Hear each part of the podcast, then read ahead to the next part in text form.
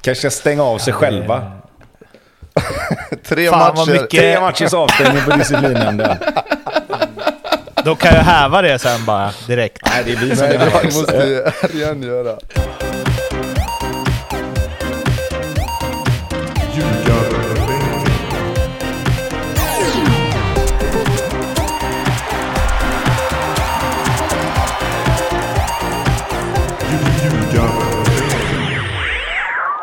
Ljugarbänken i samarbete med Betsson är här och eh, vi ska strax prata om Hammarby. Det är en stor önskan inslängd från eh, Blomman förstås att eh, hålla det segmentet extra långt idag. Men först, hur mår ni? Bra. Tackar som frågar. Ja, Nej. Lasse, tung suck. Ja, men jag, ett- fan, jag ja. tycker det är en sån här standardgrej. Ja, jag mår jättebra. Man, men Fast tänk- gör du det? Egentligen. Det är ju det sucken säger. ja, bet, bättre än på länge, men eh, ändå, Mm.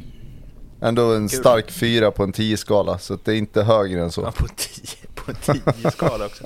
Har du, har du återhämtat dig från um, lotsandet av 72 snickare i Amsterdam? Alltså, måndagen ska jag väl inte kalla... Den går inte till historien som en av mina starkaste dagar. Men eh, jag är tillbaka. Vi, man får kanske se det ur ett, ett överlevarperspektiv snarare. Måndagen var så. Att det, ja. är kul, ja. att det är kul att du är här i alla fall. Eh, Blomman, lever du? Jag känner väl mig som en av de här 72 snickarna kanske när de kom hem från resan. Lite så. Nej, det, det, det är överstruken i Getinge idag tyvärr.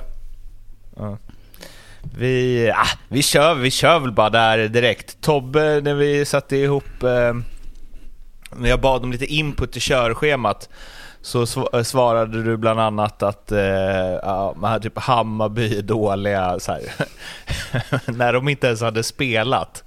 Eh, Ja, jag är lite och, före eh, min tid.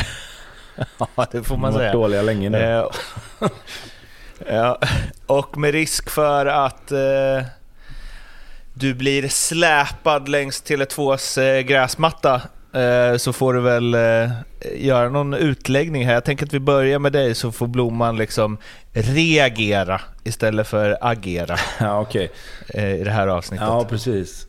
Eh, nej, men alltså med risk för att få käka upp det här om ett par veckor så, så ser det ju inte bra ut just nu. Eh, jag tycker ju att Hammarby har spelare som givetvis borde kunna göra det bättre. Det goes without saying kanske. Men jag tycker också att deras största problem är ju att deras forwardstrio är fullständigt iskall. Vilka de egentligen än skickar in. Och de har ju bestämt sig för att använda Djukanovic på ett lite annat sätt. Eh, vilket är lite konstigt för det var väl den positionen som kanske fungerade. Eh, jag tycker han har gjort det ändå godkänt.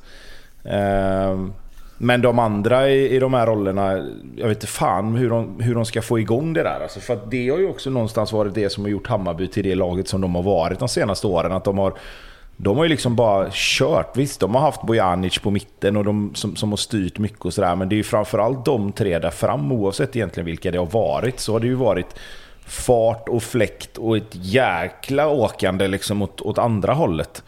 Eh, nu är det ju, nu är det ju liksom ingenting. Jag tycker de var relativt stabila åt, åt, åt det, åt, alltså bakåt, men det blir ju också en ängslan i allting känns det som när, när, när inte det funkar.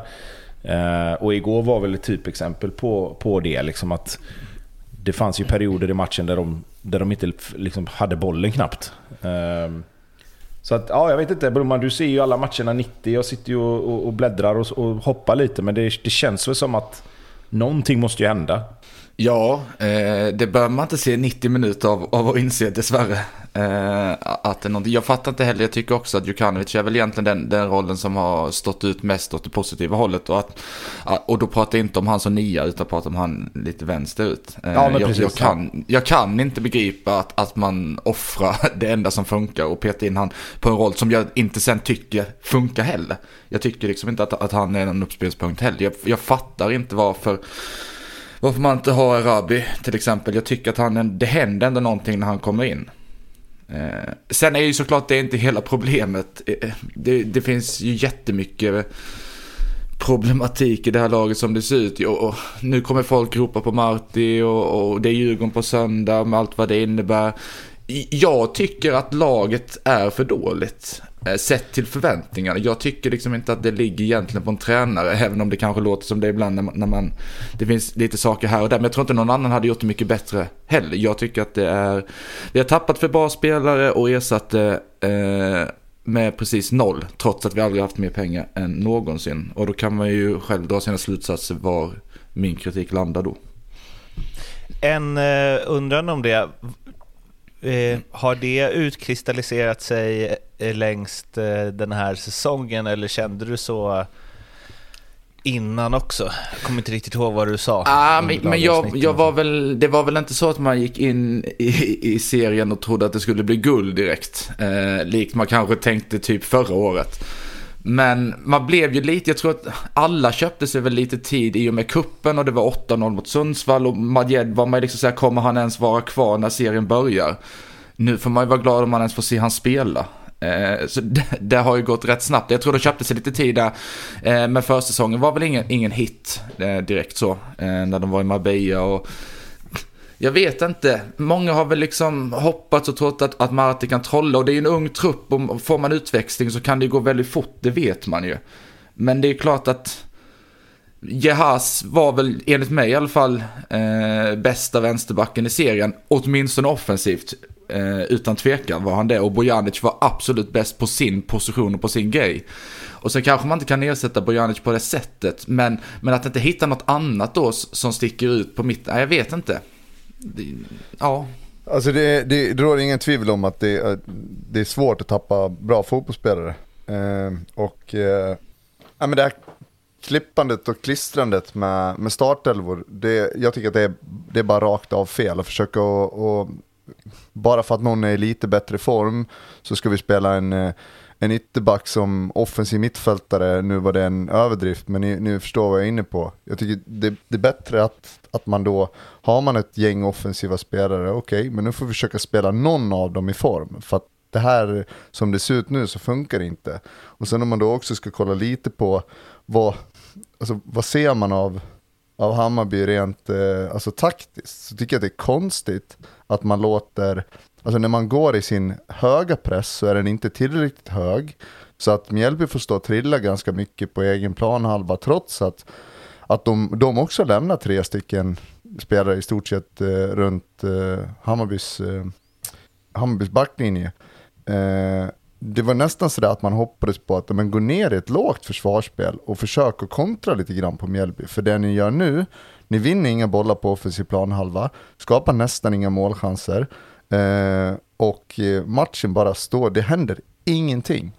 Så där tycker jag också att det, det har ju lite med matchplan att göra. Okej, okay, har, har vi spelare som är i superform och kan och kan, eh, kan vi bedriva ett, eh, ett spel runt, uh, runt Mjällby straffområde? Nja, vi är inte riktigt där än. Okej, okay. Vad, vad, saknas då i offensiven? Och till att börja med när, när Besara blir upplockad som han blir, de kliver upp med en av mittbackarna i någon sorts fembackslinje som övergår till en fyra som jag tycker Mjällby, det är jävligt svårt att göra. Det gör de bra. Och skjuta ut den hela tiden och plocka upp honom i den här ytan. Ja men gör någonting annat då. Ni har ju noll befintligt djupledsspel, så det finns inga hot att sticka in bollarna på. Ja, men där, där, tycker jag du, där tycker jag du sätter lite fingern på det som är problemet med, med dagens Hammarby. För att Hammarby har väl alltid varit ett lag som har velat alltså, ha bollen, spela ett possessionspel. Framförallt när man har haft Bojanic och Besara. De har sprungit och passat till varandra lite. Men det som har varit också har ju varit att de har haft fart på kanterna. Du har liksom haft Ludvigsson som har dratt iväg. Du har haft spelare fram som har dratt iväg och det öppnar upp ytorna framför backlinjen lite. Nu, nu saknas ju det. Alltså de har ju fortfarande ett helt okej okay possessionspel utifrån att det är skickliga spelare och de de är duktiga rent tekniskt, men du får ju bara det ena, den ena sidan av myntet nu. Vilket gör att ytorna krymps ju. För varje passning man slår så krymper ju motståndarna ytorna. Och då behöver du ju någon som bryter mönstret och gör någonting annat. Och det får ju inte Hammarby nu. De har ju inte en enda spelare som, som liksom har sin styrka i sitt djupledsspel. I alla fall inte vad, vad det ser ut som nu. Och har de spelare som kan spela det spelet så måste de ju in nu. Men man kan säga så här, det som stör mig mest, det är att alltså, i det läget som Hammarby är i, man har en hemmamatch, mot ett lag som man vanligtvis ska slå på hemmaplan. Eh, och sen ställer man sig, man ställer sig i en hög press. Men man går liksom inte man-man. Man tänker alltså om du ska gå i hög press så gör du det för att du ska vinna bollen högt. Inte för att du ska bara störa. Det tycker inte jag i alla fall. Och framförallt inte på hemmaplan i det läget de är. Men fan gå ut och kör. Försök att vinna boll högt och skapa lite lägen, skapa lite tryck, få med publiken. Men det sker ju inte. Men, men jag tror, där är ju det där klassiska problemet att liksom alla kan ju inte pressa. Alla är ju inte bra på det. Och, och Hammarbys offensiva spelare som, som de har nu, det är, liksom, det är lätt att säga ja, men vi ska spela med hög press, men du måste ju också ha forwards som kan pressa i så fall. Och vet hur man ska liksom, styra framförallt, men även liksom ha, ha spelare som faktiskt vinner bollen åt dig när de väl pressar. För där var ju till exempel en sån som Ludvigsson rätt bra. Han, han var ju inte bara snabb liksom, i det offensiva spelet, utan han var ju rätt fort in i press. Var rätt duktig och lojal i det spelet. Liksom. Och, och, tycker man vad man vill om några av de andra där, men de var ju också rätt bra på det. Nu känns det som att du kan vilja spela med hög press och du kan ha spelare som kan liksom ta sig in i press och nära, men, men de vinner ju inte bollen precis som du säger, utan det blir ju att antingen så transporterar de bara bollen förbi eller så knackar de sig förbi. Ja. Men det är bara att kolla spelare, alltså, som, men om vi pratar press, alltså som sagt, Bayern har ju sista åren mycket levt på det och liksom skapat energi som ni säger hemma, man, man bygger någonting. Vi har liksom haft eh, forwards som Selmani och, och, och, Berisha och det är Ludvigsson och det är Djurdjic. Det är, alltså det är ju liksom mil ifrån vad vi har idag när det kommer till just det här liksom pressspelet och skapa lite momentum och, och allt gratis man får utifrån det. Den energin ser ju inte jag finns idag. Det närmaste är liksom stackars Hammar som slängs in på någon sån här halvtveksam position. Ja, men det är ju typiskt klippa, klist, klippa klistra grej där liksom. Hur ska vi kunna få in någon som, som orkar pressa eller som kan pressa och så, ja men då testar vi det här nu. Men då tappar man ju någonting annat istället. Vad jag menar är egentligen, eh, om du då kanske inte riktigt har egenskaperna och ändå vill spela det typet av spelet, då måste du våga offra så att du, du kan, liksom, kan liksom inte ha plus en i backlinjen hela tiden och plus en på mittfot. Nej men Då får du kliva med en gubbe till eller kanske till och med två. Och sen våga spela kanske lite mer man-man med, med mittbackarna till exempel. Om det är det som sker. Och jag säger, lägg allt krut på Adinalic nu. Det, jag tror att det är det, är det Bayern kan göra. Sportchefstipset. Typ så. Lägga krut på att eh, byta underlag. Vad tror ni om det? Ja, Grus, såg jag någon föreslå på Twitter. Om det finns, om det går så gör det imorgon. Men de ska väl byta nu i, är det jun, är sommaruppehållet eller? Tyckte mig läsa någonting om det. Eh, ja, vad hette det? Det hette... Ja, jag var typ tio enheter innan jag läste det så jag vet inte. Men de skulle byta någon form av eh, undermatta eller något va? som skulle ge, göra någon skillnad. Men det känns ju som att eh, de här... Det eh, var väl någon Mjällbyspelare som postade någon eh, härlig bild på... Jag tror det var klubbchefen till och med. Ja, Lennartsson va? På brännmärken, Men alltså det, det, det är ju det kommer halva, inte så värdigt. Halva allsvenskan kommer ju gå runt med typ sepsis och kommer blodförgiftning efter halva säsongen. Så där går det inte att ha det. det så är det ju bara. Kanske det Besara fick. Ja, kanske. Jag tänkte säga det kanske är Bayerns chans. Att alla, att bara, vi glidtacklar inte gubbar. Nej, men det är klart att det, det är väl, alla andra lag. Det är väl ingen som är nöjd med den mattan. Varken vi i Djurgården eller motståndarna. Så det är väl minst sagt på tiden. Det är i och för sig härligt med en, en gräsdebatt som inte bygger på att någon skyller på liksom förluster på gräset. Utan mer bara, det gör ont. Vä vänta, till, vänta till Malmö har förlorat på Tele2 så kommer den. Så, som, det, som det ser ut nu så uh, behöver du inte oroa dig Blomman. ja, vi hoppar vidare till uh, Djurgården-Kalmar. Och uh, jag såg, uh, det var också på Twitter förstås. Allt som jag ser är på Twitter. Eh, nej men varför inte Asoro eh, spelade i början? Det var, ju, det var ju lite misskommunikation där kan man ju säga i de leden. Varför eh, ja, om han hade fått en förklaring eller inte fått en förklaring och så vidare. Men nu när han spelar så undrar man ju eh, vad den förklaringen byggde på. För det känns som att eh, han är rätt mycket som Djurgården saknat. Ja, och sen ser man ju hur mycket det betyder för ett lag att det är någon som är lite i form och gör sina grejer offensivt. Om det är det både Bayern och, och Djurgården har saknat så, så ser man också effekten av det i, i en sån här match. Mm. Ja, nej men alltså jag tycker också, jag tycker också att det, det är lite grann hur Djurgården har valt att spela med. Liksom. Jag tycker att de... Vi har pratat om det rätt många gånger, att när de är som bäst så får de någon central spelare som drar isär och liksom det här med falsk nia i Djurgården, jag vet inte riktigt om jag tycker att det är ett experiment de behöver fortsätta med nu. För att spela nu Asoro eller Edvardsen längst fram så du får samma typ av spelare som drar iväg i djupled. Eh, tittar man på första målet som Asoro gör så är det exakt så du ska spela honom. Du vinner bollen högt, eh, har en Oliver Berg i en lite mer eh, sänkt position och så sätter man in den i djupled och så är det 1-0. Och det är ganska... Det är ganska tacksamt och ganska enkelt att kunna göra så liksom. Om vi, har, vi har gnällt lite på Oliver Berg, med all rätt. Men det är en ruggigt bra passning. Ja, alltså, ja men, det, är, men, det, men det, är den, det är den smartnessen du får med honom där. Jag tycker inte han ska spela längst fram. Han ska ju komma in i andra, i andra liksom vågen och komma in i, i, i straffområdet mer på, på sina egna villkor än att behöva tvingas in dit. Liksom. För att förstespelaren är ju ofta den som spelar nia. Och är du droppande spelare då, då är det svårt att ta sig in i straffområdet först. Men har du en spelare som Asoro eller Edvardsen som ska in i boxen, då kan du också ha ett mellanspel, komma runt på kanterna, få inspel. Så som Djurgården är skickliga på. De kommer ju högt upp runt straffområdet. Spelar den antingen in liksom, om man säger mellan målvakt och, och, och innebackarna, eller framförallt så spelar du mer i den andra vågen där, där, där, du har tryckt ner hela försvaret och så kommer löpningarna efter. Så du spelar den liksom parallellt in med straffområdet nästan i, i, både på en, och två och tre löp som kommer.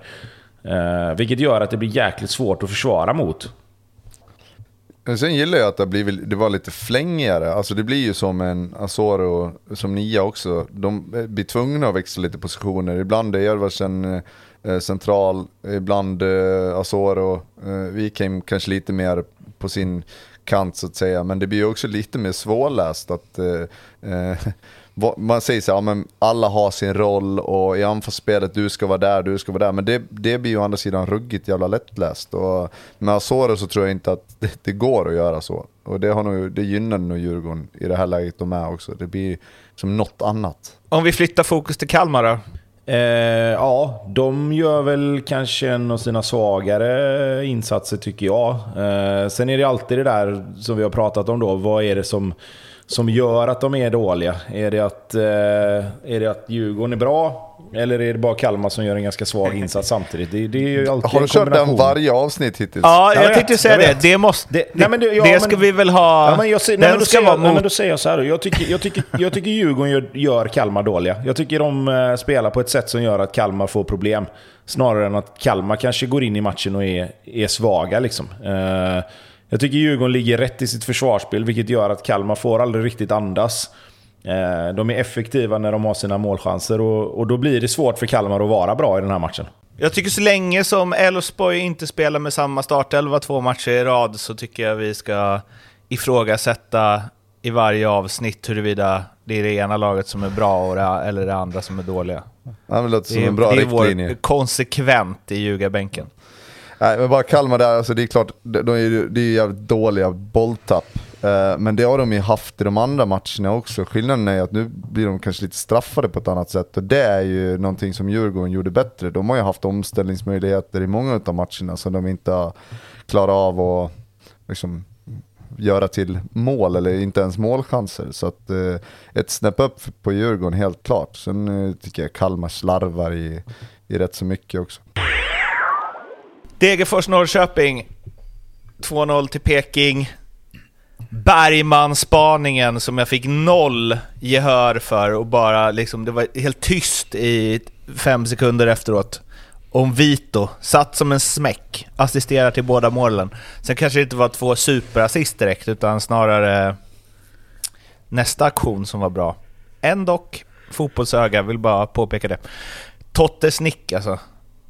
Luca Toni-vibes. Ja, för sen, men sen har du ju faktiskt en målvakt som gör allt han kan för att inte ta den också. det, Men du Tobbe, Tobbe var, det, var det en bra nick eller var det dåligt av Nej, målvakten? nej, det var, Det var en det dålig var, Det var en målvakt. bra nick, absolut. Det är bra att få den så bra som man får den, men det gör ju fortfarande inte att han. Jag tycker han ska ta den. Den Ja, är, går liksom, han, hoppar ju, han hoppar ju baklänges, Nyman. Sen, sen återigen, för att få den liksom lite bakom sig och trycka till den som han gör, så är det en bra nick, absolut. Men det, det, det liksom gör ju inte att jag tycker att det ska kunna bli mål på en sån nick. Jag tycker att målvakten ska ta den. Alltså, jag vet inte riktigt. Jag, jag, alltså det, det kanske är svårare än vad det ser ut, men jag tycker att han har all tid i världen att bara kunna ta ett extra steg och sen bara kasta sig och fånga den. Liksom. Han måste ha tagit lite för långt till höger och tror inte att det ska komma en nick därifrån eh, direkt för att den är lite för långt ut. Och sen är han för sent på det. Något sånt. För att det ser ut som det går lite i slowmo. Ja, men även alltså, liksom frånskjut. Och, alltså, det, det, jag kände bara, oj, gick den in? var min första tanke liksom, när jag såg det målet. Sen återigen, Nyman gör det skitbra. Han kan inte göra så mycket mer med den än vad han gör. Liksom. Men, men jag, hade, jag hade varit tokig om min målvakt hade släppt in den. Då tycker jag nästan 2-0 målet är mer diskutabelt. Det känns som en passning, en hemåtpass mot bortre stolpen typ. Fast det där är... Ja, jag vet inte. Här Det är skitbra jag, gjort kanske jag och det som är- forward blir... Det är ju ett jävla bra avslut. Ja, ja det är Alltså, det, ser superbra. så, det är, det ser ju så pinsamt enkelt ut. Det är som man är och spelar fotboll med sina smågrabbar. Liksom bara, jag lägger den lite ur räckhåll så här. Så här, för, här, du får en liten smula, försök ta den och så bara nej.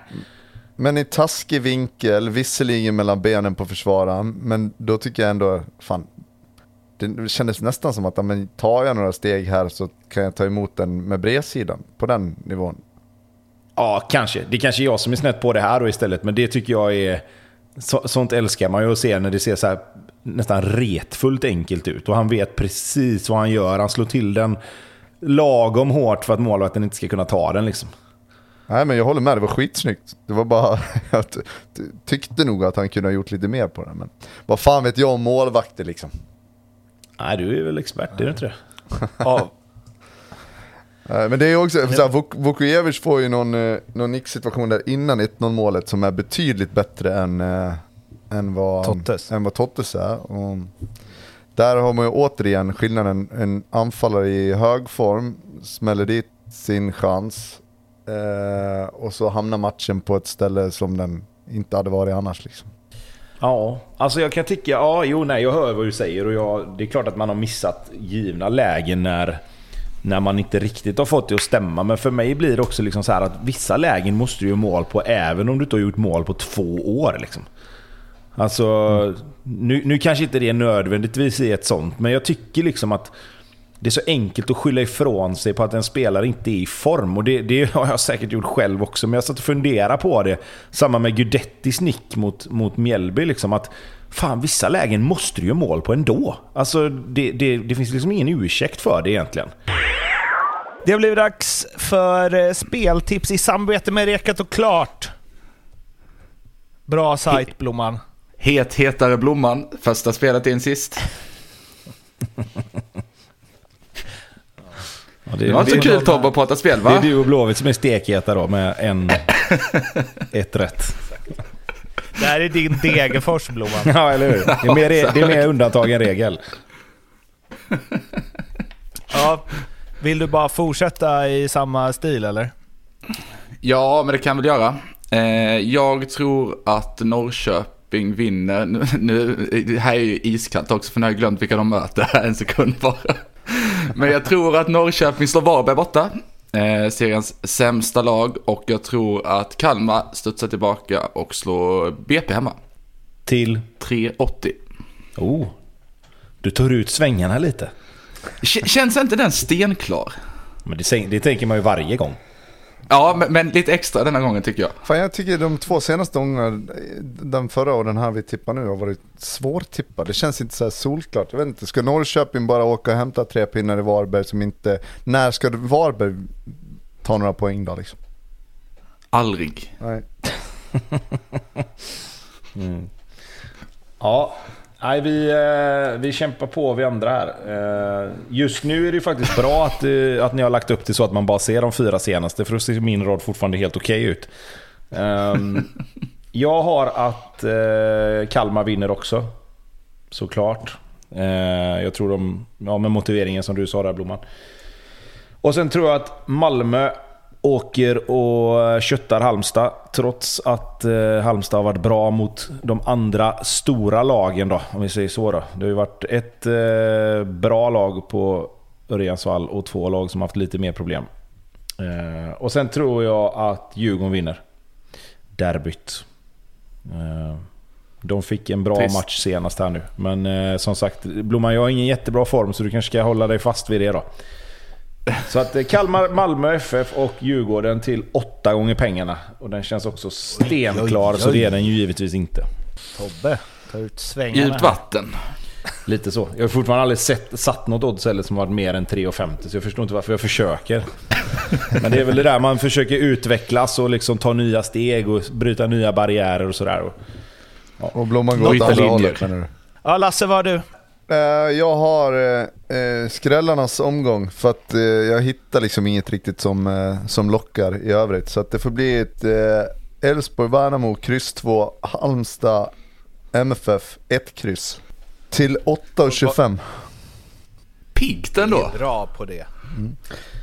Det är inte helt jag, omöjligt. Jag tror så här att någonstans måste ju Malmö, det måste bli lite grus någonstans i ett maskineri och Halmstad har gjort det bra. Så att eh, kan nypa en pinne och eh, en Engvall som eh, har kommit igång mot ett Elfsborg som ändå på något sätt, konstigt att man säger det, men kommer undan lite grann. Så. Den är inte stenklar Om... på något sätt, men eh, det är ändå 8,25 gånger pengarna. Jag tycker bra odds på... Jag ser att du är något på spåren där. Katt till 4-0 till Malmö och 3-1 till Elfsborg. Men eh, det ja, låter bra så här på förhand. Också, alltså, vi har ju pratat i tidigare avsnitt om hur nöjd eh, Rydström eh, ser ut ibland efter de här matcherna. Haglund i intervjun direkt efter att ha slagit Malmö. Oj, Alltså det kommer vara... Det finns en dos av nöjdhet där i den intervjun. det finns en dos av nöjdhet där. Jag vill ju, jag vill ju, jag vill ju bara att eh, Halmstad ska få stryk de här två matcherna som kommer nu. Det hade ju varit drömmen. För är det så, de kan ju få stryk mot Malmö, sen har inte jag riktigt koll på vilken som kommer efter det. Men får de stryk den också, så är det ju spöstraff på den som pratar med Haglund innan den tionde omgången och inte säger 9 poäng på 9 matcher ja. ja. det är en spaning. Det är ett jobb för... Uh... Den får ni ja. nu, Discovery, ni som ska Discovery, ta den här matchen. Ja. Och får de stryk två matcher i rad nu Halmstad så är den given. Ja, det måste han få då. Dilchen får ta den. Spelen finns hos Betsson. Specialspel, godbitar, ljugarbänken. Kommer jag att spela ansvarsfullt? Du måste vara minst 18 år för att spela. Behöver du hjälp eller stöd så finns stödlinjen.se. BP Blåvitt, uppfriskande 0-0 på Grimsta. Eh, Filip Sidklev, eh, 18 bast, nollan igen, fjärde raka matchen. Eh, vi hyllade honom lite sist, men det är fan otroligt. Tänk om han hade spelat i... Det är ju ännu större bedrift att han gör det i BP, men tänk om han hade spelat i AIK, Hammarby eller Djurgården. Det hade ju varit liksom 50 mil bara. Fast där hade han aldrig kunnat hålla nollan. Målvaktshatet sipprar ut från Borås. Uh. Nej men det, det alltså, alltså jag säger så här, nu, såg, nu har jag ju om man säger bara sett den här matchen i, i, sin helhet. Liksom så, men det som jag tycker är anmärkningsvärt är ju inte alltså nödvändigtvis att han håller nollan i just den här matchen. För det hade nog fan jag gjort också nästan. Uh, men det är ju att det ser ut som att han har spelat allsvensk fotboll i tio år. Alltså han, han får tillbaka passningar och bara lägger den till rätta och spelar den vidare. Han sätter lite goa chippar ut på sina ytterbackar och yttermittfältare. Han smäller bollar rätt upp i mitten på en, på en, en, en liksom innermittfältare som bara kan ta med sig bollen. Och, alltså han... Det, det ser inte ut som att han har gjort något annat liksom. Det, alltså han har spelat fyra matcher. Det ser ut som att han har spelat 400 matcher nästan. Han går ut och plockar måste... inlägg och... Vi måste Det- nästan ja, kolla men- upp det här om eh, vad liksom tankarna runt honom var inför säsongen och vad spelare, kanske till och med tränare. Det väl roligt att veta vad, vad de tyckte att han stod inför säsongen. För han är ju, nu har han gjort det helt fenomenalt. Men det kan ju inte ha varit så att de tänkte att han är så långt fram eftersom man tar in Linnér och ja. Ja, men jag, jag, tror, jag, tror man, jag tror man tänker att okej, det här har vi en målvakt som kommer kunna ta över på sikt. Eh, men vi, vi vill inte kasta in honom i hetluften direkt. Liksom. Vi behöver en lite mer rutinerad keeper som, som kan stå i början här nu och så får vi se hur det blir eh, med det. När vi, och så kanske vi behöver kasta in honom någon match och så ser vi hur han löser det. Men att man har lite mer rutin mellan stolparna till en början. Liksom. Det hade ju varit magstarkt att gå in i en, en allsvensk säsong som nykomling med en 18-åring i målet. Liksom. Eh, Men är inte uppfriskande eh, BP on brand eller? Jo, absolut. Men vi har ju pratat om det att de kanske ändå har värvat in lite spelare som, som gör att det där kanske lite grann ändå har, de har gått ifrån det kanske lite, lite grann. Eh, men alltså, det är ju... Alltså har det någonsin hänt liksom? Att en målvakt håller nollan sina fyra första matcher och är Otroligt, 18 Nej, bast, otroligt liksom. imponerande. Alltså. Nej men har det ens hänt när den inte är 18? Är det någon som har inlett liksom, sin allsvenska karriär med fyra raka nollor? Nej, det, det, det, det är värt att kolla upp Mårten faktiskt. Det kan du få i uppdrag till nästa gång. Jag behöver inte kolla upp, det kan Blomman, aldrig ha hänt. Ni har väl sånt va? På eh, Rekat och Klart? Ni har väl massa gubbar som kollar sånt där? Eh, Jag ska dra i lite trådar. Tack. Nej, men kan be sen dem om kolla vi ska... också om... nej, Ja, förlåt. Fortsätt.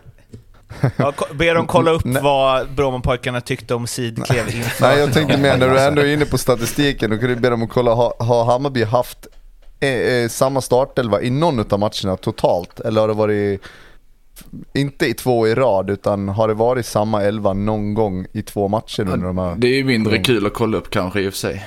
Men... eh, Härligt litet, men också lite lättare. Härligt litet dokument du får med dig här Blomman med hemläxa till nästa Det avsnitt. kommer givetvis inte bli någonting gjort av det. Det är som vanligt när det gäller dig.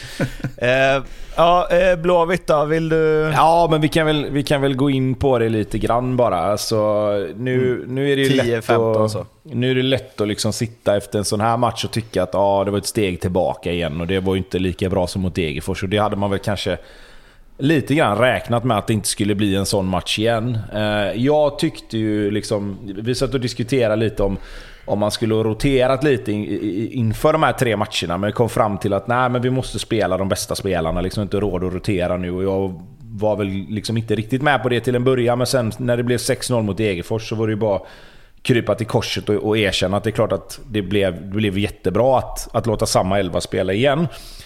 Men det som blev konsekvensen av det såg man ju mot BP tycker jag. Eh, det här att man inte kan rotera och inte har känt sig haft liksom råd att rotera för att det var otroligt trött och slitet efter typ 30-35 minuter i första halvlek och sen i andra halvlek var det egentligen Ja, det, det var väl egentligen var det något mål som skulle, eller var det något lag som skulle göra mål så var det väl BP liksom. Eh, Blåvitt hade behövt ha med sig 1-0 när, när Johan Bångsbo nickar rakt på sidklev från hörna liksom från 3-4 meter. Där måste det ju vara mål. 1-0 där så hade det kunnat... Då hade det kunnat bli en match där de faktiskt hade kunnat lägga sig lågt och liksom försöka kontra, men nu blev det ju inte så. Eh, BP kändes piggare och, och liksom, där har de väl fördelen av att de är lite yngre eh, överlag. Då. Att de löser den, den eh, veckan på ett lite bättre sätt. Så att jag tycker... Det var bra att Blåvitt inte förlorade. Eh, finns väl inte supermycket mer egentligen att ta med sig från den matchen mer än att man nu har tre matcher i rad där man inte har förlorat då. Så att eh, det är väl bara att hoppas att den här vilan eh, som man får nu den här veckan kan göra att man kan komma in med liknande energi i matcherna som kommer här nu då. För det lär ju behövas nu. Jag fick någon sån push-notis från eh, någon nyhetssajt. Eh, IFK Göteborgs missräkning mot BP. Någon, jag tänkte, fan, det, är väl svinbra, de fick en poäng liksom. Ja, sen är det väl alltid sådär. Alltså det, där handlar det väl mer om, om att ska man, ska man vara nöjd med att, att ta en poäng mot BP liksom. Eh, Men Ja, i, det, de i det nu. läget de är nu så, så är det ju, alltså, då är det ju li, minst lika viktigt som att ta, plocka poängen och kanske hålla nollan framförallt. Du fick svaret att Pontus Dahlberg höll. Eh, Det finns, det finns saker som, som, som är bra med det, men det är väl mer att man hade hoppats att de skulle kunna bygga vidare på prestationen mot Degerfors och göra, göra det bättre liksom. Eh, sen är det klart att vinna, får... vinna hemma och, och kryssa borta är ju alltid helt okej okay, kan jag tycka. Framförallt då när vi pratar om det att läget de är i nu så finns det ju inget lag de bara kan åka och hämta poäng mot.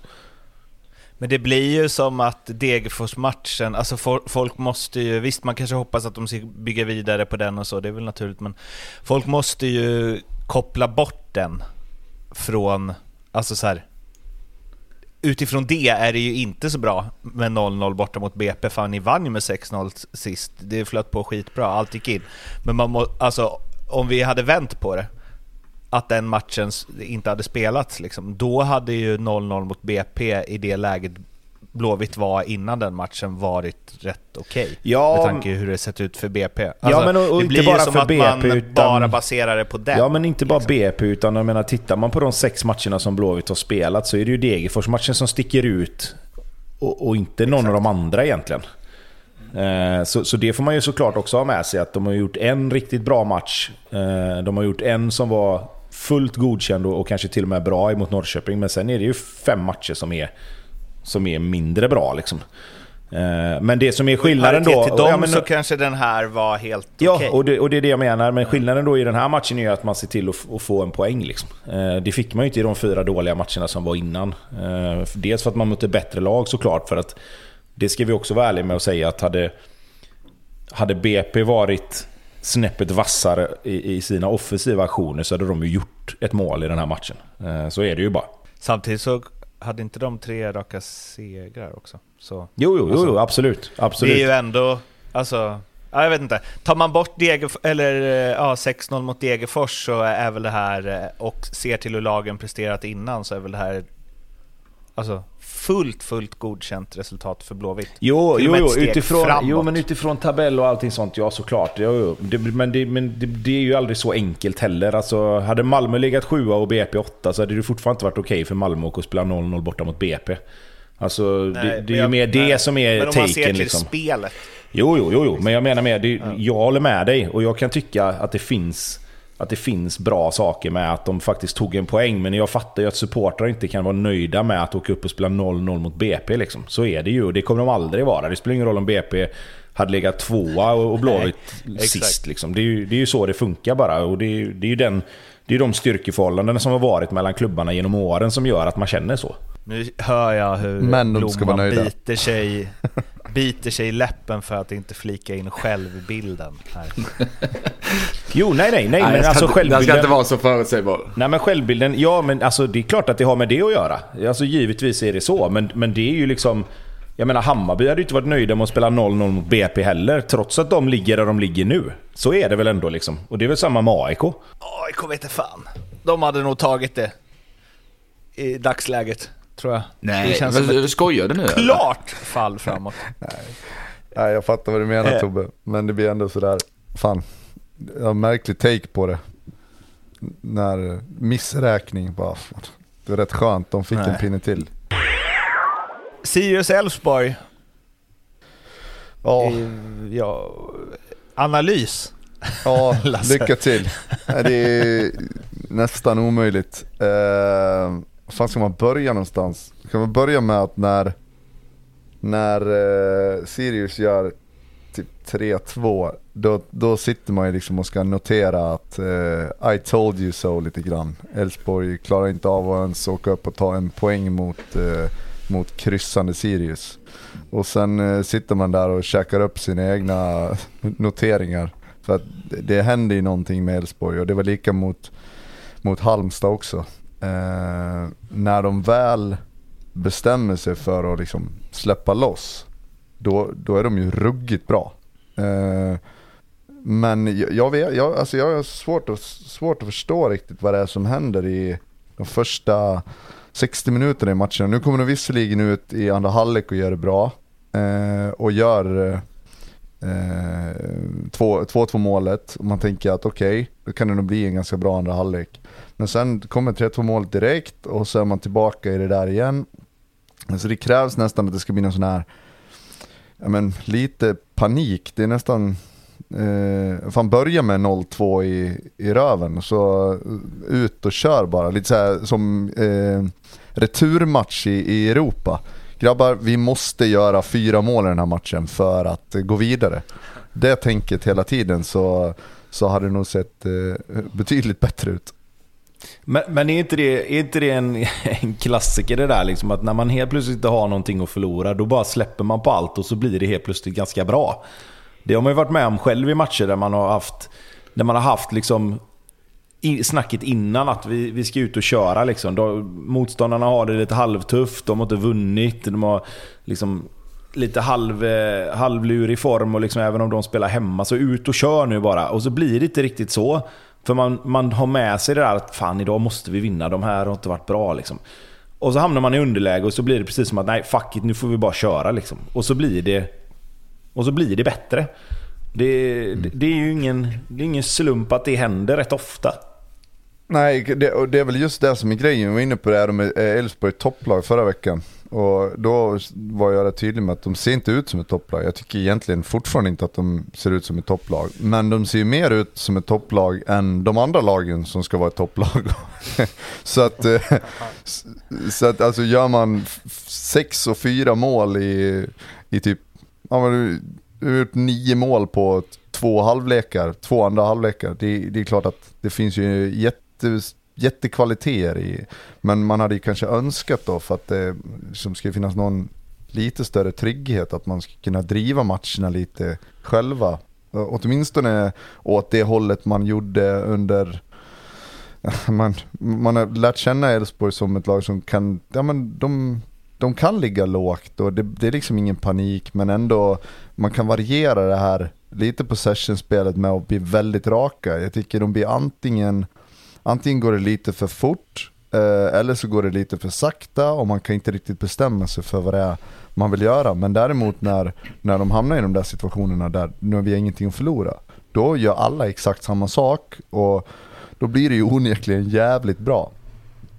Men kan, kan det också bero lite grann på, nu, nu, nu är det liksom, nu kan ju du Elfsborg bättre än mig, men jag ser ju att skillnaden mot, skillnaden mot andra år i Elfsborg tycker jag då, som tittar på det utifrån, är ju att man har inte riktigt samma skicklighet på mittfältet längre som man hade när man kunde pulsera matcherna på ett annat sätt. Du har ingen Simon Olsson, du har ingen, om man, säger, om man ska gå ännu längre tillbaka i tiden, du har ingen Anders Svensson, du har ingen liksom spelare som ligger på det där centrala mittfältet och bestämmer när det ska gå framåt och när man ska hålla i. Utan det blir antingen eller. Vi pratar om att Baidu har gjort det jättebra, men han är ju mer han är ju mer en offensiv spelare. Det är ju ingen spelare som ligger och, och dikterar tempot på det sättet. Liksom. Eh, och då blir det väldigt lätt att man antingen håller i bollen för att, för att skapa sig ett bollinnehav, eller så bara smäller det åt andra hållet och så går Ondrejka. Och nu då har det ju varit lite andra spelare, men när Bernhardsson har spelat har det varit honom och innan har det varit Rasmus Alm och det har varit liksom... Det, det, har varit, det har varit rätt enkelt för dem att sätta in bollar för att de vet att de offensiva spelarna oftast gör det jävligt bra.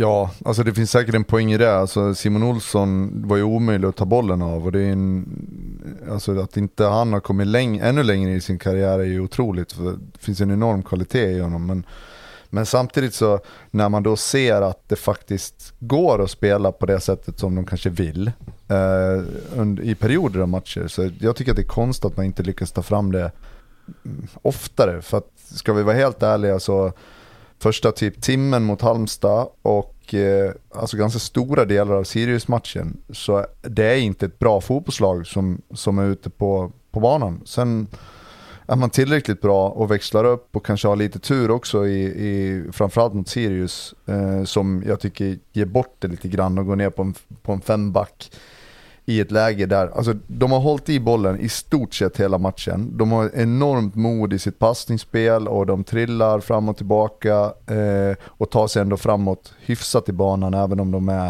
eh, ah, de är inte giftiga framåt, det kan man inte påstå. Men sen då när det när, det väl, när de väl behöver hålla i bollen, när de behöver döda tempot och sådär. Det enda de gör då är att skicka och så kommer Elfsborg våg på våg på våg.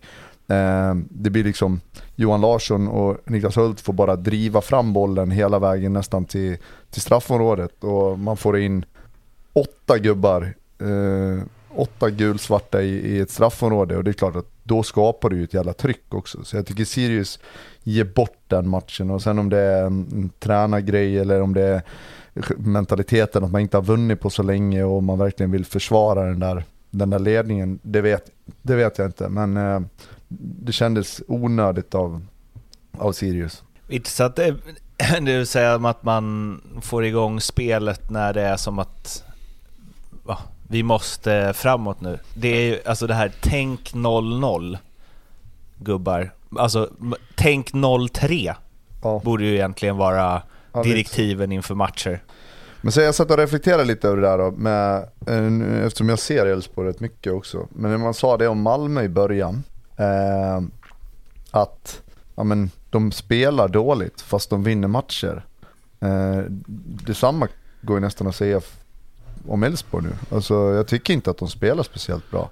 Men de vinner matcher. Tänk då när de börjar få till det i 70 minuter eller 90 minuter. Hur, hur, hur bra de skulle kunna vara då. Så att, eh, eh jag börjar och jag börjar att tänka att det kanske kan finnas en, en topplacering i dem ändå.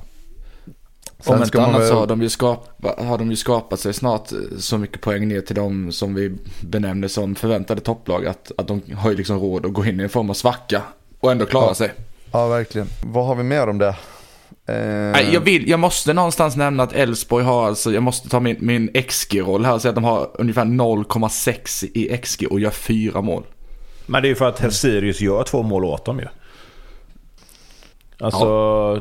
bo, alltså... Var det Sirius som var dålig? Nej, men jag menar mer att det, det, är ju två, alltså två av målen... Alltså, Johan Larssons skott är ju jättehårt, men den tar ju säkert målvakten om inte Mathisen är där och... Jag vet inte om det var Mathisen just den här, men om, det är ju någon jo. spelare som styr in den där liksom. Eh, och det är ju samma med, jag vet inte, är det första eller andra ja, målet va? Som första. också är så här, det är ju också Mathisen självmål nästan alltså. Och, jag vet inte, första blir väl ett självmål, andra blir ju inte det. Men, men där är ju en sån typisk när målvakten står precis bakom honom. Och så stoppar han in foten och så blir det mål liksom. Så att det, det, de två lägena är ju inte sådär jättebra. Det är klart att Johan Larssons läge... Det är väl sånt som händer? Jo, jo, ja, jo, absolut. Alltså. Jo, jo, såklart. Men det är ju där, där har du ju problemet med XG då. Liksom att det skottet som Johan Larsson skjuter, det ser man ju när han, när han kommer och möter den. Så tänker man att det här är ett bra läge. Men, men ur XG-synvinkel så är det där ganska lågt värde tror jag. För det är så mycket folk i vägen som, som liksom dödar vinklarna för ett skott att gå in. Vilket gör att XG på det skottet är ju kanske i verkligheten egentligen högre än vad det, än vad det rent statistiskt blir. Men det är det jag menar med att de har ju, de har ju lite tur eh, i den här matchen. Eh, mot Halmstad går det inte att säga att de har tur. Eh, gör man sex mål så, och det blir 6-1, men i det här fallet så är det ju ja, det står väl, de ligger under när det är fem minuter kvar av matchen och det, det skapas det här trycket, men det, det, skapar också en jävla nervositet i Sirius. Eh, men jag håller med dig, det, det, är inte så att de radar upp eh, 100% målchanser i Elfsborg heller. Men det, vi måste bara ta det där med, med självmålsgrejen. Alltså det stör mig till förbannelse. Vad är det, vad, vad är det som gör att det blir, eh, blir självmål på den ena och inte på den andra? Och Azoros, eh, okej okay, den kanske hade gått utanför, jag vet inte. Men kan man inte bara göra den här hockeygrejen? Den som är på bollen sist får målet. Jo, jo, det kan jag ju tycka med. Men, men samtidigt så är det ju liksom så att jag, jag, tror, utan att veta att det är 100%, så tror jag att det är att om, om skottet är på väg mot mål och kan gå in liksom. Då blir det ju inte självmål även om någon ja, fast... styr in den tror jag. Ja fast det var ju i, i, då i, det, i det här fallet så är det eh, Elfsborgs 1-0 mål. Um, Gudjonsen, han nickar den ju på, mot mål och så styr Matthijsen den i andra hörnet. Så då ska inte det vara självmål heller i så fall. Nej det är väl om de, det är väl om de, om de tycker att, att den inte är på väg in då. Alltså att den typ tar i stolpen eller går utanför, jag vet inte. För jag vet att det var, så var det ett tag i alla fall. Att gick skottet, liksom, om, om ingen hade rört skottet och det hade liksom beräknats att gå in, så ska det inte vara självmål. Utan då, är det, blir det liksom, då ska det vara mål ändå. Uh, mm. Men jag vet inte, jag kan inte den regeln till hundra, men jag vet att det har varit så i alla fall. Jag men det där är också, det, det är som du säger Lasse. den regeln. Ja men det är som du jag... säger, det är väl bättre att bara ge den som är sist på bollen i det laget som gör mål, ge han målet då. Eh, problemet blir ju bara, här, här, ska, här ska du få en lite rolig historia på det här med självmål och att laget är, är dåliga. Det är sidospår, men jag, jag, jag stötte på... Um, jag stötte på en historia där det var ett lag som hade, nu kommer jag inte ihåg exakt vilket lag det var, men jag tyckte det var en jävla rolig grej. De skulle träna 11 mot 0 för att de behövde träna på att skapa målchanser och de låg lite risigt till i en serie liksom. Så då skulle de spela igång bollen och liksom skulle liksom gå och bygga bakifrån och sådär. Så de spelade tillbaka den till innermittfältaren som i sin tur spelar tillbaka den till mittbacken då. Som i sin tur bara liksom vänder sig om och spelar tillbaka den till målvakten. Det är bara det att målvakten står och dricker vatten. Så han rullar in bollen i eget mål och så säger... Det, det är ju tränaren, det är tränaren då som berättar detta. Han bara So we're fucking 1-0 down against zero opponents. Det luktar Kina lång väg på den här 11 mot 0 Nej, men det, nej det, är något, Det det är något, jag tror det är något Premier League-lag alltså. alltså liksom som, som då ska spela sig till självförtroende och få skapa lite målchanser och bygga spelet. Och så, och så sätter de, gör de självmål på avsparken. där alltså. Ligger, ligger under med 1-0 mot noll spelare och så ligger man sist i serien. Då har man det tungt alltså. Ja, nej men slopa den. Jag, om ni, ni kan, där får du en till läxa Blomman. Bara lämna mig in i motion och ändra regel så kan jag skicka in den. Nej, de får gärna behålla målet på Gudjonsson första, därför jag har han i min fantasy, så det är taget. Jag kan bara lägga till det om Sirius bara. Ska de vinna någon fotbollsmatch? Och nu tycker jag ändå att, jag tycker att de har sett ganska bra ut i ganska många matcher. Och man får ändå lägga till att de gör tre mål, vilket eh, är mer än vad de har gjort typ på hela säsongen innan. Så eh, det var inte sämre.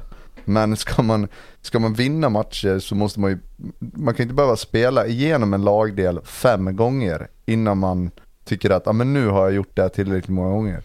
De, de har ett, ett otroligt bra uppbyggnadsspel och involverar ganska mycket spelare. Och de få gånger som de faktiskt väljer att ta fram bollen och, och attackera på något sätt och komma med en inlägg, då blir det relativt farligt. Men det är så otroligt sällan det händer. Spelar upp på en innermittfältare, vänder upp, spelar upp eh, på en yttermittfältare, kommer den tillbaka, börjar om på mittbackar och de har redan spelat förbi fyra fem personer. Uh, nej men vänta nu, det här var vi bra på, det här testar vi en gång till. Det, det, blir, det är hål i huvudet tycker jag att liksom göra, behöva göra samma svåra sak en gång till bara för att det gick bra de första fyra gångerna. Liksom. Ni har ju redan gjort det. Ni ska ditåt, inte åt andra hållet. Ja, men jag säger, säger som, en, eh, som en gammal tränare sa, varför vill ni hela tiden spela mot 11 spelare? Ja men Det precis så. blir, det blir det som blir konsekvensen av det om du hela tiden går tillbaka igen. Halmstad-Häcken. Eh, HBK har alltså 5, 1 och 9 poäng mot AIK, Djurgården, Häcken och 2, 13 och 0 poäng mot eh, Degen, Kalmar, BP och Elfsborg. Det är väl förvisso en eh, 1-6 va? mot Elfsborg sticker ut lite grann. Eh, men det är ju, hur man än vänder och vrider på det här, eh, anmärkningsvärt. Det är två plus-insats som du och jag eh, var inne på Blomman inför säsongen. Två plus tränare, två plus lag, två plus leverans. Ja, kvala sig kvar. Vrider ni på er här? Rädda för Haglund, båda två. Ja, precis. Eh, nej, Han nej, det, Har ju Det vettigt att säga bara. Men det är ju helt, eh, det är ju knasigt ju. ja, Alltså att man kan ha de siffrorna mot lag som ska ändå... Eller nu är ju det så här, det? Nu är, har ju AIK, nu är väl liksom det är svårare att möta Degerfors än att möta AIK. Men Eh, och kanske jag skulle väl mer... att möta Kalmar än att möta Djurgården, Ja. men ändå på förhand då. Men jag skulle väl mer lägga det på att de har gjort ganska, alltså tre riktigt bra hemmamatcher. Alltså resten av dem får stryk borta. Det är bara BP som är missräkningen då på hemmaplan där de får stryk med 2-0. Men, men jag lägger väl mer det på att de har spelat mot de här lagen på hemmaplan än att de har liksom... Alltså de är ju bra som fan hemma men riktigt rötna på bortaplan. Alltså, 2-13 i målskillnad på bortaplan, det är ju inga vackra siffror. för- Nej, och det, är liksom, det, hade varit mer, det hade varit mer intressant att prata i, om det ur ett perspektiv. Om det hade varit så att de hade vunnit mot de här, om man säger då, sto, större lagen. Alltså både hemma och borta. Men nu är det ju bara på Örjansvall. De har tagit sina tre segrar liksom. Så det är väl snarare hemma kontra bortaspelet de behöver titta på. Liksom. Vad är det som gör att vi kan matcha de här lagen på, på hemmaplan men inte på bortaplan? Vad är det vi, vad är det vi gör fel? Liksom? Ja, eh, det är... Eh, det är ju ja, det är otroligt att, jag, jag, tror ändå att på något sätt att det blir eh, också har lite med motståndet att göra, även om som Mårten var inne på, det kanske är svårare att möta, möta BP än vad det är att möta AIK. Men, men eh, samtidigt, de, de ger ju Eh, de ger ju bort det mesta initiativet till de här lagen på hemmaplan. De får spela lite grisigare, det, det är en fotboll som de ser ut att klara av på ett bättre sätt. När de försöker att, att styra lite mer så verkar det vara lite svårare. Jag tror att det ligger en del i det också. Häcken då? Har eh, guldtåget gått eller? De var inte så bra som vi trodde första omgångarna. Ja, det här är ju en, det här är ju en, eh, en riktig plump för dem såklart. Eh, jag tycker ju att de har varit bra i, i de andra matcherna. Eh, med undantag för, för, Kalmar. Men det var ju också första matchen om man säger där de fick, där de fick kasta om lite i sin, i sin elva. Liksom. Sen hittade de ju någon sorts kemi där på de nya spelarna ganska snabbt. Och, och så har de ju varit bra fram till den här matchen egentligen. Sen, sen är det också så att här får ju Häcken faktiskt Ja, de, de, får ju ett mål emot sig som är väldigt, väldigt ovanligt att, att man får. Liksom att en mittback bara sparkar hål i luften så. Eh, framförallt en mittback då som Even Hovland som är så pass rutinerad och har varit så pass jävla bra. Det är ju, det är ju jävligt konstigt. Och så får Halmstad matchen dit man vill. Jag tycker inte Häcken riktigt kommer loss på samma sätt. Liksom. Jag tycker de fortfarande spelar sig fram till intressanta liksom, ytor och, och kommer utanför Halmstads straffområde rätt många gånger. Men sen blir det liksom inte så jävla mycket mer. De har några avslut och, och skulle kunna ha gjort något mål såklart. Men, men, men jag tycker ändå liksom Granat har ett jävla bra läge att göra 2-0 också i andra halvlek. Där han också ska göra mål med tanke på hur bra han är på huvudet. Så att, Nej, alltså Häcken får nog, får nog liksom lite grann titta på, på vad som hände i den här matchen och försöka lä ta lärdom av att så, så här, sådana här matcher har de liksom inte riktigt råd att göra nu när Malmö är så bra som de är. Nej, åka, åka kryssa mot Halmstad borta, fine det kanske de hade kunnat leva med, men att torska med 1-0 och framförallt ge bort den, eh, det målet som man gör, eh, de, de kommer inte ha råd med det. Och det är helt klart så att eh, Häcken med alla skador de har eh, så ska de ändå klara av att minst plocka en pinne borta mot Halmstad. Värnamo-Varberg, en 3-1 där eh, Oskar Johansson skrev upp efter att bara sett eh, highlights, men eh, hela det anfallet till 1-0 är ju mumsigt. Eh, och Oskar Johansson eh, känns som, fan undrar om vi inte, känns som vi pratat om det här för länge sedan. Men eh, jag tycker han känns lite för bra för Värnamo. Ja, men vi pratade ju om han eh, när Värnamo, det året Värnamo kom upp eh, i, i lagavsnittet. Att mm. han, han hade gjort det bra i Superettan och var deras bästa poängspelare. Men sen fick han ju inte riktigt kanske det att, att stämma på samma sätt i Allsvenskan. Det kanske tagit ett år för honom att, att, att anpassa sig lite grann och sen växa in i den där kostymen. Jag tycker ju att Alltså nu blir det ju mål i alla fall, men jag tycker att han egentligen spelar den här bollen till Engvall ett moment för sent. För att som det blir nu så blir han ju tvungen att sätta den mellan benen på, på försvararen. Liksom. Jag, jag tänkte ju när jag såg... Ja absolut, det spelar ju ingen roll. Nu blir det ju mål, så det är skitsamma. Men, men det blir liksom så att fanns... Jag hade, jag hade velat att han skulle skruva in den här bollen alltså på, på rätt sida istället. Eh, så Ingvall hade fått lite mer tid. Men som sagt, det blev bra. Eh, och de fick eh, ett, ett mål på Engvall. Och här kommer den här gamla trötta då att hade han inte gjort första målet så hade han aldrig gjort andra målet. För det är ju ett Nej. otroligt mål eh, ah. som Engvall gör där sen. och, och, som sagt, det, det, behövs lite självförtroende. Ett mål i, i bagaget så, så är ju Engvall jävligt oberäknelig på det sättet att han kan göra sådana mål. Fan vad han har mycket i sig alltså. Men han, man märker det också direkt efter målet så han ju, han är ju hetare än vad han varit i någon av de andra matcherna. eh, han, det är ju så sjukt vad ett mål kan göra för en spelare. Sen två, hans andra mål är ju som Tobbe säger riktigt snyggt. Men det fanns ju massa aktioner innan hans andra mål i matchen också där man känner att oj, det fanns några växlar till. Och de, de får ut ganska mycket av honom i en sån här det är dåliga förutsättningar och det är knappt fotboll och det är mycket långa inkast och eh, mattan såg ju bedrövlig ut om jag ska vara ärlig.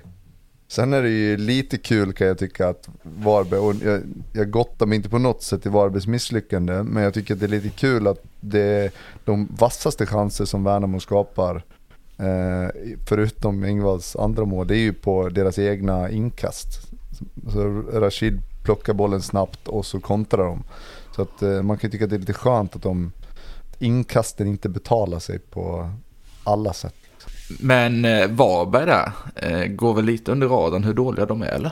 Ja, alltså jo, men samtidigt har de ju bara förlorat två matcher liksom. Alltså det finns ju... De har 4-14 och förlorat tre matcher dessutom. Har de tre torsk? Nej. Har Ja, de, har de inte har fyra kryss och två torsk eller? Det är sju matcher Hysén. Ja det är det. För fan. Just det. Stämmer. Ja du ser, det är ju fan... eh, Det är för att Hammarby bara... De har matcher hela tiden. Men det är ganska... inget om Bayern i det här nu. Jo då, jo då. nej men det är klart att... Nej, nej. Och du kan ju vända på det. De har ju inte vunnit någon match. Så att det är klart att de har varit dåliga. Alltså givetvis är det så. Där har du helt rätt Blomman. Eh, De har ju... Bra, Blomman. De har ju tack, ja, men jag tycker de har tappat liksom det som har gjort att de har varit bra de här senaste säsongerna. Nu var de inte bra förra året och då, då snackar vi om att de måste tillbaka till basic. Och liksom, det har ju gått sådär om vi ska vara helt ärliga. Alltså, jag tycker väl också lite grann att det som har Varberg gjort bra när de, när de liksom har plockat in spelare, det är ju att de har fått träff på rätt många av de här liksom, som man inte riktigt har vetat vilka det har varit. Och de har liksom inte...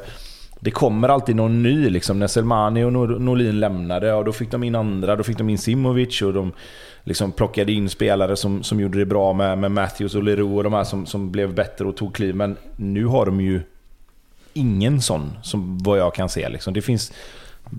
Leroux tycker jag är, är liksom... Han, han ska vara deras bästa spelare, men, men det är liksom... Ja, nej jag vet inte fan alltså. Rekryteringen där har inte riktigt gått så bra som den har gjort tidigare år tycker jag inte. Sen tycker jag det är jävligt talande, det tar inte så många minuter, man, det är efter något, någon in, något inkast eller, eller hörna. Eh, Tranby samlar upp någon, någon andra boll och blir väl lite pressad, men det finns chans att spela tillbaka den till mittback eller kanske spela den hela vägen bak till målvakt om man då känner sig tvingad. Han kollar vänster, ser att han har ingen utanför sig på vänstersidan. Eh, kollar bakåt, vem ska jag spela till?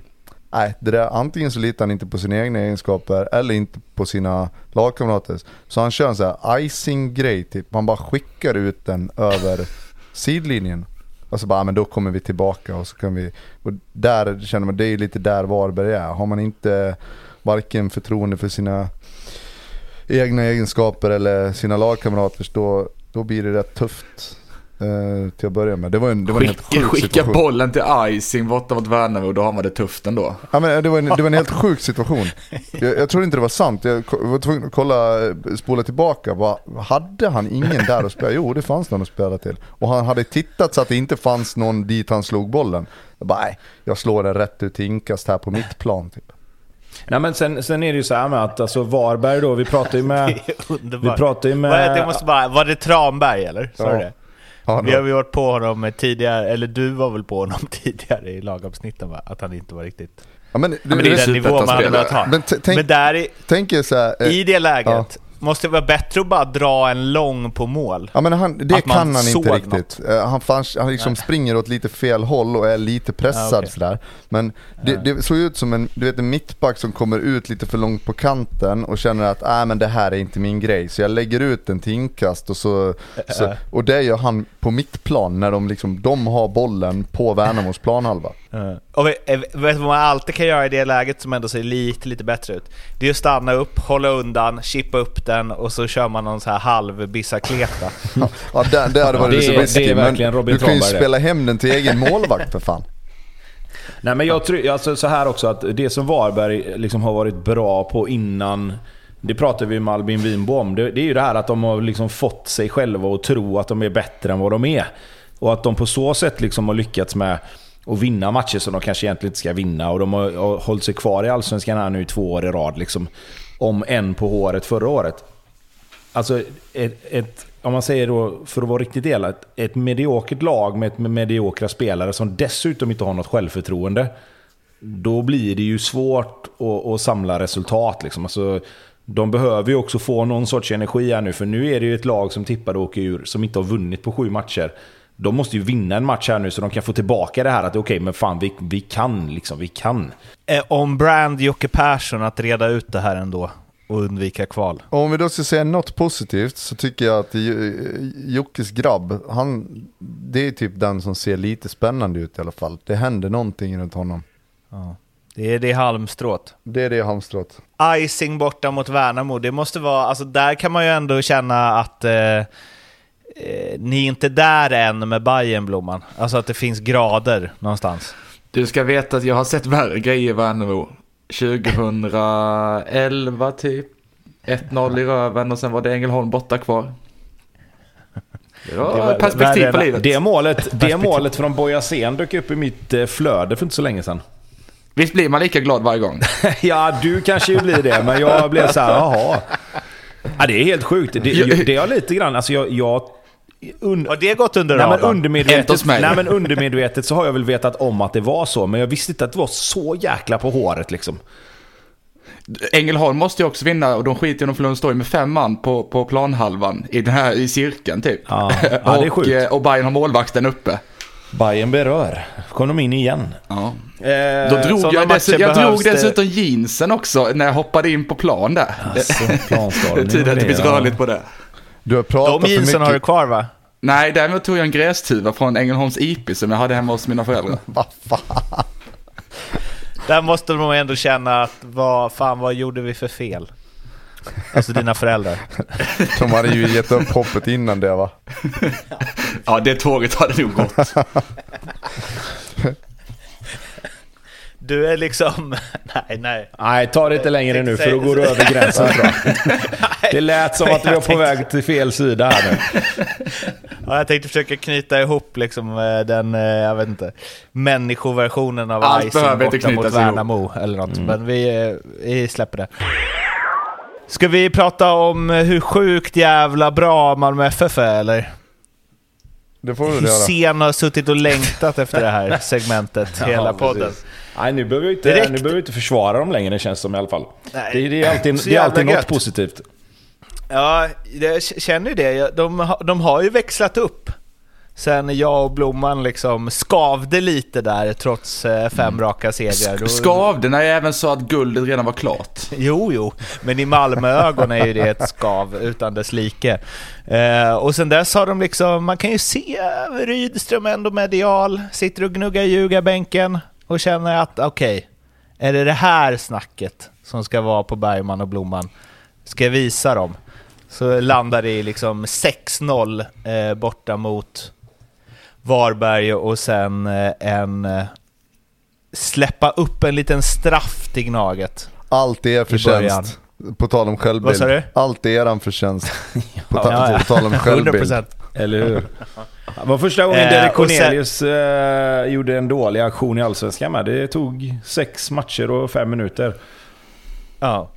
Och, eh, men det spelar ju noll roll. Alltså, det är så här jag tänker att Malmö ska vara hela... Om de släpper in 1-0 på bortaplan, då ska de ha ledning sen, max 10 minuter senare.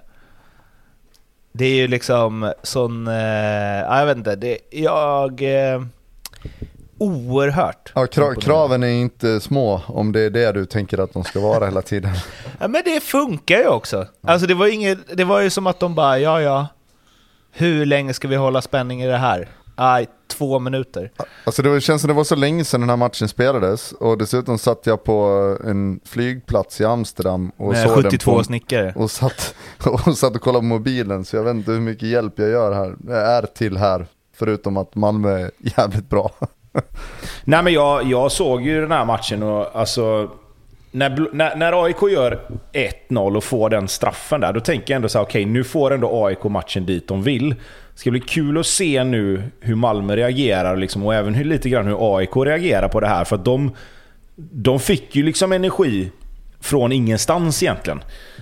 Men det var ju brutalt alltså. Det, och då ska jag ändå komma ihåg med, vi ska kasta in den här med. Det är första matchen var det på 94 matcher som AIK förlorar när de gör första målet. 97? 97 matcher till och med, ja du ser. Det är ju, Jävlar. Det är ju det är i ju- sig ett helt otroligt facit. Ja, men det, det, det är ju också för att AIK... Man har ju alltid sett AIK som det laget att okej, du får inte släppa första målet för de är så satans stabila bakåt. Och så kan de kontra och så kan de ägna sig åt liksom det här lite mer destruktiva, liksom jobbiga gnuggandet som de alltid har haft. Men inte ens det har de ju kvar nu. Liksom. Det, alltså AIK, om vi ska börja där. Jag vet inte riktigt vad, jag vet inte riktigt vad de vill göra. Liksom. Alltså, de, de, kan inte, de, kan inte, de kunde inte ställa sig och försvara sig, sig lågt för att då bara åkte det, det... Det hände grejer runt omkring dem hela tiden. Eh, och de har heller inga liksom, direkta omställningar som, som de liksom så här att okej men nu, nu händer det grejer eller nu händer det något.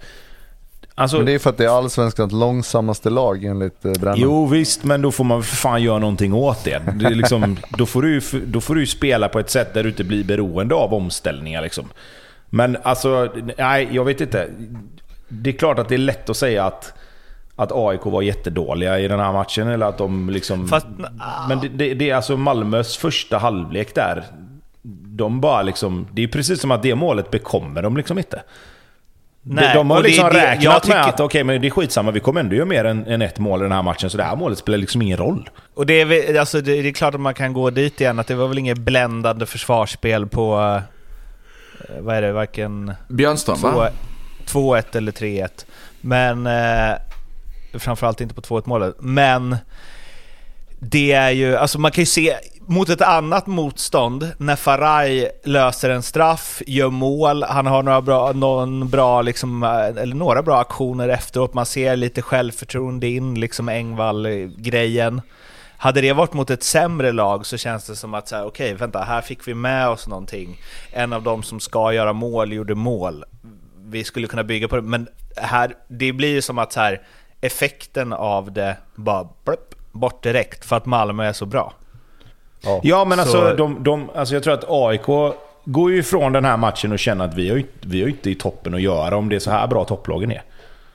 Alltså... Nej, och hade de inte koll på det innan så... Nej, men, jag, nej alltså- jo, men, jo, men det är ju lätt att säga med tanke på att de har börjat dåligt, absolut. Men jag menar AIK med lite flyt och lite självförtroende har ju fortfarande spelare som skulle kunna gå på en radda matcher där de kan vinna 4-5 i rad och sen ta sig upp och bli liksom 3-4 i tabellen relativt fort. Det, det tror jag ändå. Alltså det, det, det tror jag verkligen. Men de kommer ju fortfarande aldrig vara nära Malmö liksom. Alltså, det, det, det ska så otroligt mycket till för att, för att de ska liksom kunna hävda sig och, och, och göra någonting som, som gör att de ska kunna ta ikapp liksom det spelmässiga försprånget som Malmö har om man bara tittar på den här matchen. Sen är det alltid så. Du kan titta på enstaka matcher. Det är klart att vad fan, vi har ju sett liksom på senare år till och med på högsta, högsta nivå där det liksom har varit två matcher hemma borta. Jag menar, ta PSG Barcelona som givna exemplet för några år sedan när det blir 4-0 och det man liksom tänker att det här kommer aldrig det kommer aldrig gå att vända och så bara smackar det till i nästa match. Liverpool-Barcelona likadant. Men här tror jag mer utifrån att det här är ändå två av de största klubbarna i Sverige. Och det styrkeförhållandet mellan lagen och den skillnaden mellan lagen som var i den här matchen. Den har jag aldrig riktigt sett när de två lagen har spelat. Men är det inte lite, alltså du var inne på det där med att, att äh, runt AIKs äh, eh, alltså solida defensiv som alltid har funnits där. Är det inte lite identitetskris rakt igenom? Va, vad är vi för någonting nu? Du kollar på, på försvarsspelet på Björnström, okej, alla gör misstag och så vidare. Men det där hade ju aldrig hänt ett AIK för något år sedan. Eh, och sen förväntar vi oss Aldrig. också, så förväntar vi oss också att de ska vara eh, offensiva och lite, lite mer frejdiga än, än vad de var innan. Jag, jag tror inte själva riktigt att de vet vad, vad de är just nu. Nej, så kan det absolut vara. Och, och det, det har ju med att göra att det har varit... Alltså, den, den, den enkla förklaringen här med är ju att det har varit lite turbulent runt omkring i, i klubben. Liksom. Det har varit en jävla massa hula baloo kring, kring vd och, och liksom positioner är högre upp och det blir lite... Man kastar lite hit och kastar lite dit och det har varit det här med värvningar och liksom vem, varför kommer den här spelaren in liksom. Och det, det går ju lite hand i hand med att det ser ut som det gör på plan. Och ny tränare, idéerna sitter inte riktigt, får inte med sig resultaten i början. Alltså jag, jag, jag vet inte fan hur mycket mer eh, Brännström liksom löser. Alltså skulle, skulle Blåvitt åka upp till, till Friends och vinna framför allt, men kanske till och med bara nypa en pinne här nu på 0-0 va? Är inte i helt nästa, långt nej men alltså jag där. tror, jag, frågan är hur många fler liksom, missräkningar han, han klarar av. För jag tror inte att de har supertålamod heller med tanke på hur det ser ut. Det är en sak om du hade spelat bra, men haft lite oflyt och inte fått med det i resultaten liksom. Men här är inte det fallet heller egentligen. Det ska bli jävligt intressant att se eh, Malmö mot eh, Elfsborg nu. Som ju på något sätt, alltså man kan ju prata om att Malmö har eh, ja, kört över Gnaget och Hammarby och så, men det är ju också, alltså absolut, det är förväntade topplag. Men det är också lag som inte varit i närheten av att eh, prestera. Nu ska de faktiskt möta ett faktiskt topplag, det var det du menade? Exakt. Nu, ska de, nu ska de möta ett lag som har... Eller ja, som är näst Fast Elfsborg möter Värnamo och Malmö möter Halmstad. Ja men det är två, om två gånger. Håll reda på Ja, hur många matcher det ska spelas och hålla på nu för asken. Ligger alltid steget före. Och Elfsborg efter det möter Norrköping, så jag vet inte vad du har hittat. Men någon gång ska de för fan möta Malmö. Vi måste bara, jag måste bara tillägga det, man, man älskar ju att se Rydström i de här, och det började redan efter, efter första matchen och andra matchen och tredje, alltså han, han njuter ju verkligen, han försöker att vara så här skönt ödmjuk, fast det lyser ju igenom hur jävla nöjd han är liksom. Så Det blir, Dröm när de har... Alltså fan vad man vill se Rydström efter 12 raka segrar när han ska försöka hålla tillbaka det där. och det är klart som fan att han ska vara nöjd, det är inte så jag menar, det är mer hans försök till att låta ödmjuk som blir nästan, fan säg det du tänker istället, ja vi är så här för, för jävla bra och det är ingen kommer ha en chans. Men du, fan vi kan ju... Vi Eh, kan, vänta, jag ja. måste bara blomman. Förlåt. Häcken. Jag bland, alltså gult och svart. Tänkte jag bara. Jag blandar ihop. Gult, svart, topplag. Häcken möter Malmö snart. om, no eh, om några matcher. Långsamt. Ja, exakt. Men det, och de har ju i och för sig haltat också lite nu, men det, det jag ville komma fram till var att även om de har mött, eh, för, som du sa Tobbe, att Malmö och AIK, om du någonsin sett sån skillnad mellan lagen, det är ju också en faktor. Det var ju inget topp, topplag AIK som åkte på däng mot Malmö och därför ska det bli intressant att se hur de faktiskt tar sig an ett, eh, ett lag som har presterat, som förväntas vara i toppen och som faktiskt är i toppen också. Som Häcken. Jag tycker det är Ja, mer men- intressant att se hur de, när de möter eh, HBK på bortaplan. För det är väl nästa ja, omgång? Det Det är är, ju- väl årets utmaning Ja, va? typ så. Det hade, för fan, åh, där vill man att Rydström ska gå ut och säga det innan. Årets svåraste match. Ja, det är inte omöjligt att han gör för att väcka sina spelare kanske. Men jag tänkte på det om vi ska hålla oss kvar vid Rydström. Tänk 0-3. Ja, men om vi ska hålla oss kvar vid Rydström lite. Nu, nu är det liksom, nu har han gjort det bra. Eh, han har löst liksom Kalmar till en fjärde plats. Gått till Malmö. Nej, men gått, nej, nej, inget men den här gången. Gått till Malmö. Eh, sju raka segrar. Det ser ut som att de kommer att springa en autostrada mot ett SM-guld. Liksom. Frågan är väl snarare hur många poäng de ska vinna med. Är det dags... Da- Eller rättare sagt så här då. Vi ställer frågan så här. Kommer han vara kvar? Dags att lämna Allsvenskan. Är är han kvar i Malmö nästa säsong? Liksom? Eller, gå- eller blir det att något lag... Eller, eller blir det att, att det finns lag utomlands som ser hans liksom, spikraka kurva och, och, och tittar Tobbe, liksom? När jag sa att Rydström lyssnar på den här podden och att det är därför Malmö växlar upp så skojar jag. Du behöver inte smöra så här. Nej, det är väl mer intressant för, för liksom, när hade vi en tränare som, som har gjort den resan så fort? Alla pratar om Potter och det är absolut, men, men alltså Östersund var ju femma som bäst i Allsvenskan, vilket var skitbra. Men hans genombrott om man säger och det som gjorde att han sen kanske fick flytta då hem, han är ju dessutom brittisk, det var ju att de piskade dit Arsenal liksom. Jo, men du måste väl också ställa, alltså, fan. Nu är liksom, hör jag, jag hör Malmö Twitter, de är liksom runt mig hela tiden. Men eh, det, är, det Potter gjorde med Östersunds trupp Ja, ja, ja, absolut. Jo, absolut. något helt annat Absolut. än det Rydström gör med. Malmö. Det vi kan bekräfta är ju att the hype is real. Alltså Rydström är ju inte på låtsas liksom. Det Han, men, Har vi, Rydström, har vi Rydström i Chelsea om fem år? Det hade, Nej, det det hade var varit roligt det hade varit. Det, det, otroligt. det kanske inte vi Alltså- har, men jag menar mer, men ni förstår, ni förstår väl vart jag vill komma liksom? Alltså... Ja, ja. Men, men det var en seriös fråga. Tänk om han liksom...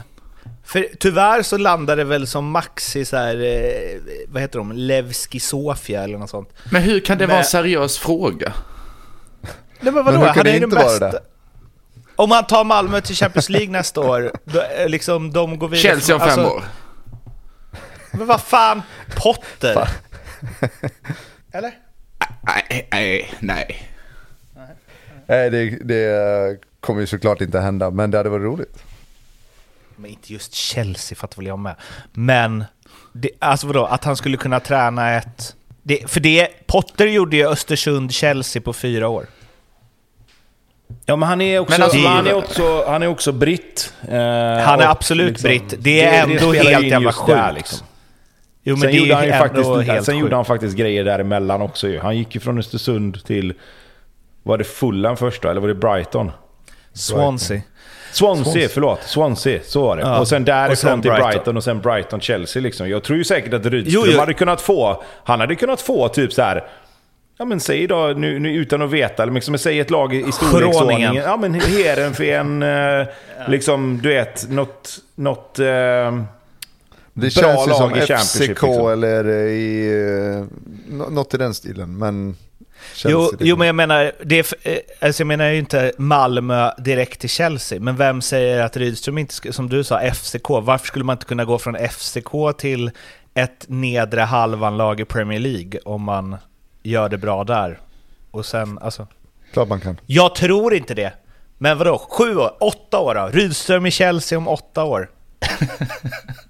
Kom igen nu Blomman. Fan. Ta med jag, det jag tror, och jag tror undersök. inte på det. Ja, jag, jag tar med det i mitt... eh, Billborn i Chelsea. Blomman. Om åtta år. Det Hellre det än tror Blåvitt i alla fall. Kä- Känner ändå att min fråga fick igång något här. Verkligen. Men det, men det är också att man så gärna vill se Rydström där. Alltså när han så här, att han nu sa att han visade sig sårbar genom att prata dålig engelska. Att han liksom, att det öppnade upp något hos andra spelare. För att komma till en trupp där liksom, ja, kommunikationen där, fan vad man, eh, gud vad man vill eh, se det. Chelsea, kom igen. De hade ju inte gjort det sämre med Rydström nu. Nej, det hade de inte gjort. Nej, exakt. Ta med sig Busanello också. Är vi klara? Det här är fan, nu känns det som att vi, det är liksom som när man går hemifrån och har en jobbig känsla över att man har glömt någonting när man har packat typ. Eller liksom. Det känns som vi har glömt både nycklar och snusdosa och plånbok och allting när vi är klara på 1.22. Vi fick ju skäll. Det var ju för långt. Tobbe vill säga något, man ser det! Och vad han håller emot. Han liksom trycker ihop käken för att inte fortsätta i 20 minuter till. Nej, nej, jag bara tänkte... Vi har ju, Eh, då vi har då ju lägger jag till en grej. Jag Ja. lägger till en grej bara. Eh, det, var det, hur var det du uttryckte dig Tobbe om... Eh, det, var inte vatten, det var ett vattenfall på min kvarn eh, med disciplinnämnden där.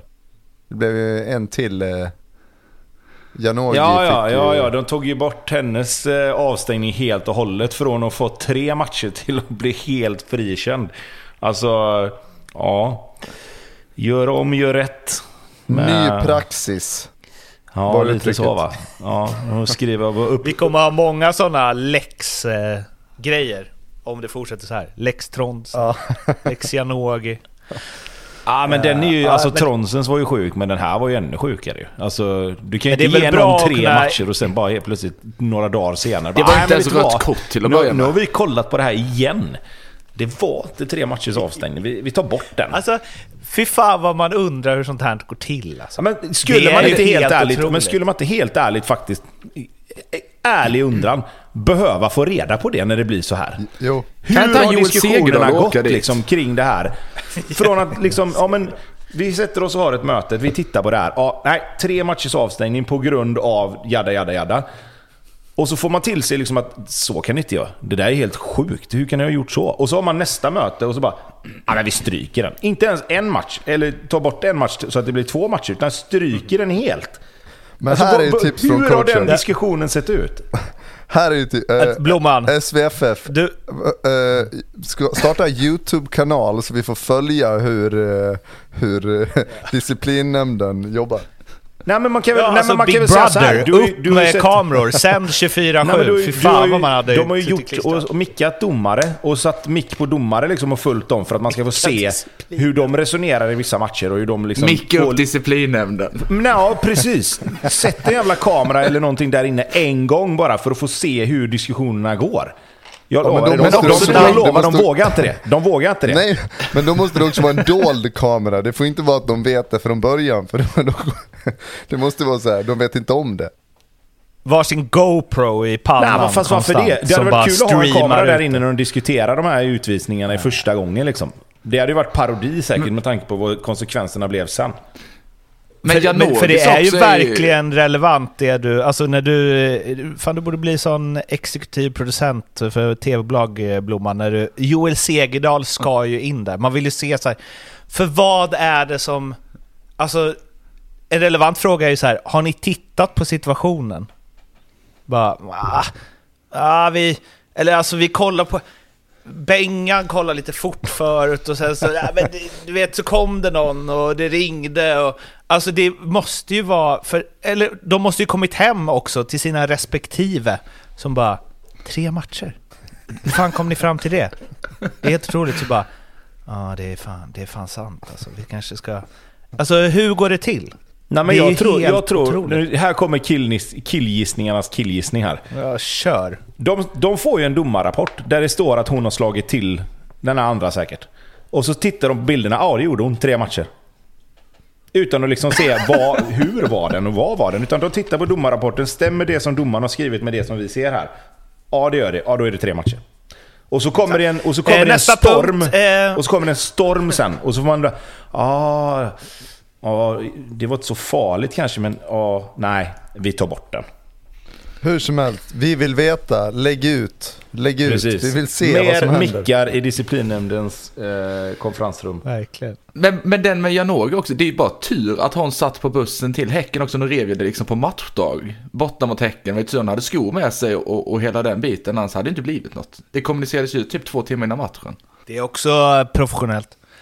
Undrar om det är en del på listan liksom, bara så här. Vet, vet du vad det är går- också? Så jävla givet att de inte jobbar helg. För det var ju måndagsmatch. Så bara vi tar det efter helgen. De, Möter jag två. tror, det här, nu är det också en killgissning, men jag tror att det är varannan måndag de har möten och sånt där.